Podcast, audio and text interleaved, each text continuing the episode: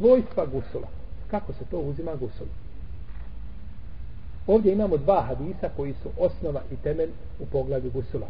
To je hadis Ajše i to je hadis to je hadis Mejmune radijallahu ta'ala anhuma. Vidimo ko nam je prenio gusul. Žene poslanika, majke vjernika, one su te koje su prenile znači gusul. One su te koje su prenile gusul. Prvo hadis Ajše radijallahu ta'ala anha kaže kada bi se poslanik sallallahu sallam kupao od dženabeta oprao bi svoje ruke potom bi abdestio kao što abdesti za namaz potom bi kaže zagrabio svojom rukom vodu pa bi protrljao korijen svoje kose dok ne bi bio ubijeđen da je natopio dobro korijen kose, znači da ne ostane suho. Potom bi, kaže, tako bi tri puta uradio po svojoj glavi i potom bi oprao ostali dio tijela. I hadis me imune, jedan i drugi hadis je kod Buhari i kod muslima. Hadis me imune, je Allah tala anha, da je rekla, postavila sam poslaniku, sallallahu alaihi sallame, jednu posudu sa vodom za kupanje i zastrla sam ga. Zastrla ga, pa nam to ukazuje da je lijepo čovjek kada se kupa da se zastre obaveza je muslimanu da se zastre. Ne kao što danas rade, možete vidjeti kod kafira kako rade, kad uđu negdje u slačionicu, kod baleri i tako dalje, to se sve kupa ko, ko stoka. Ko hajvani kad se kupaju. Niko nije od koga ništa ne krije. Jednostavno svi se, to je zabranjeno šarici, to je haram. Jer je poslanik, kao sam rekao, od iskoga bližava muslim, ne smije muškarac gledati u avret žene, uh, avret muškarca, avret žene, to je jasno. Ne smije gledati avret muškarca, niti žena smije gledati avret druge žene. Ne smije znači gledati u avret. Kaže pa je, pa sam ga zastrla, pa je oprao svoje ruke dva ili tri puta, potom je oprao svoje stidno mjesto. Potom, nakon što je oprao stidno mjesto, kaže, obrisao je svoju ruku o zemlju obrisao o zemlju ili od zid tako je došlo u predaju da li je bilo od zemlju ili od zid znači oprao je potom je isprao usta i nos i oprao svoje lice i ruke i glavu. Potom je saprao ostali dio tijela potom se malo pomjerio i oprao svoje noge. Pa kad se abdestio nije šta uradio. Nije oprao noge. Pa sam mu donijela teškir krpo jedno se obriše pa je odbio, nije htio da se obriše ovo su dva hadisa na koje se islamski učenjaci pozivaju kada govore o gusulu. Najviše se pozivaju znači na ova dva hadisa jer su oni najprecizniji način a, pojasnili znači način kupanja kako se je kupao poslanik sallallahu alaihi sallam. Na osnovu ovoga možemo kazati da je nakon gusula, da nakon nijeta za, za gusul, trebalo, da treba opet ruke tri puta prije nego što ih što zagravimo iz posude, ako se već kupamo na takav način. Zato što je rekla, Aisha radijallahu ta'ala anha, pa je oprao svoje ruke.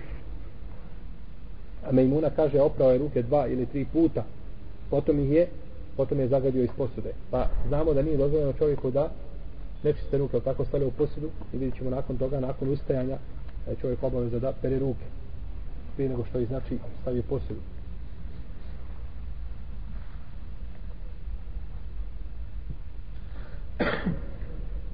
Ovo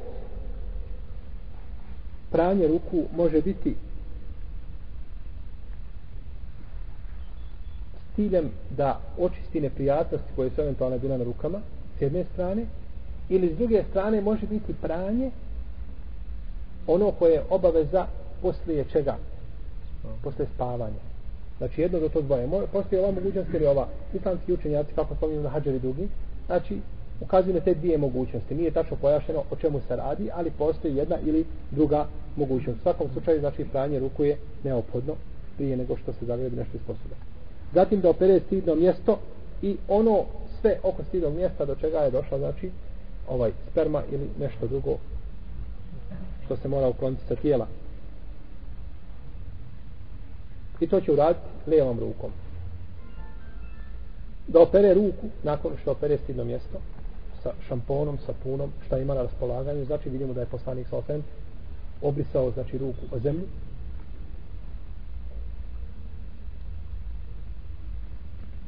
I jednom se kaže, rivajetu kaže, fedeleke hadelken šediden. Pa je da, da, je jako i žestoko, znači trljao tu svoju ruku o zemlju, znači da bi, da bi sa nje uklonio sve što je ostalo na ruci. Potom da abdesti, kako se abdesti za namaz. I to je došlo u hadisma Ajše i Mejmune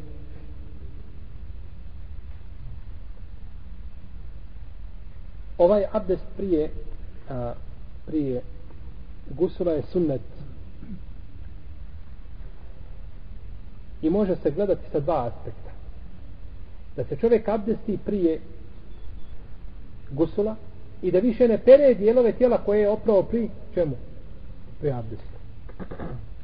Može biti da je zbog toga da je tako poslanik sa radio ili da ih je jednostavno oprao braćo zbog vrijednosti tih dijelova tijela.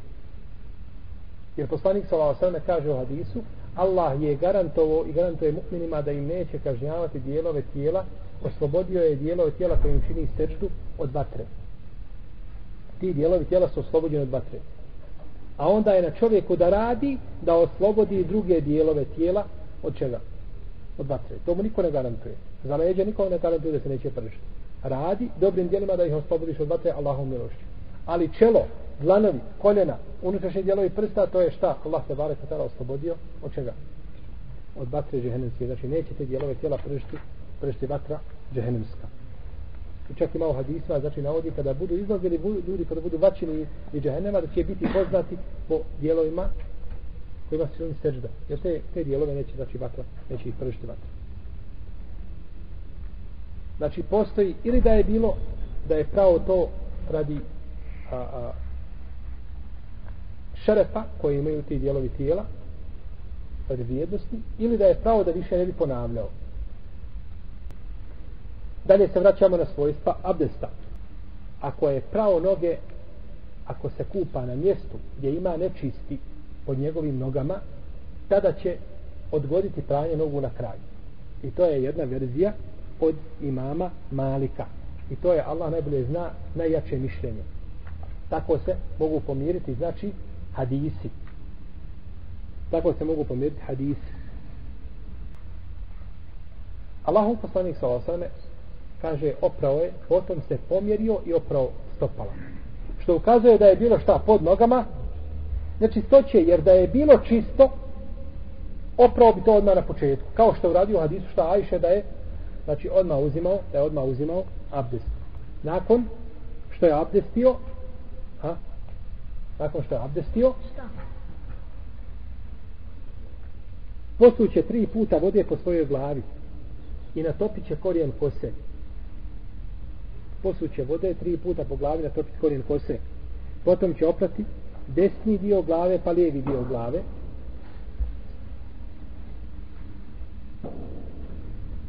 I proći će prstima kroz kosu znači da dobro natopi korijen kose. Jer je došlo od Isu Ajše spomenuo se da je poslanik sa ostaneme a, prolazio sa prstima kroz kosu dok ne bi bio ubjeđen da je natopio korijen kose hoće li prolaziti kroz bradu ko pri abdestu ili neće. Tu se vodi spor među lemom. Džumhur uleme, Malike, Buhanife i Šafija, Ibn Hazmi i drugi kažu nije obavezno. To je dobrovoljno ako želi, ali nije obavezno. Ali ovo se odnosi braćo kada je čovjek ubijeđen da je voda šta došla pod znači došla do kože da je voda došla do kože. Međutim, ako bi čovjek znao da ne može zbog gustoće brade da ne može voda, voda doći do kože ili zbog nedostatka vode znači sa malom količinom vode da se kupa onda morao bi proći znači kroz bradu da dođe, znači da svaki dio tijela bude pokošen a u svakom slučaju to je preče da učini. Jer čovjek se može ponekad tuširati znači tušom da se kupa i da ne pazi na to ako ima gustu bradu i ako žuri može ostati znači nešto kada ne bi prolazio prstima kroz bradu može ostati nešto suho nakon toga opraće ostali dio, ta, ostali dio tijela počeće sa desne pa onda lijeve strane. Pere desne znači stan pa lijevu stranu.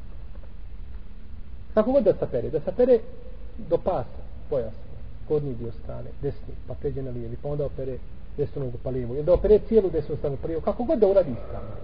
Kad bi obrnuo, obrnuo, pa da opere lijevu, pa desno stranu, ništa ne smeta.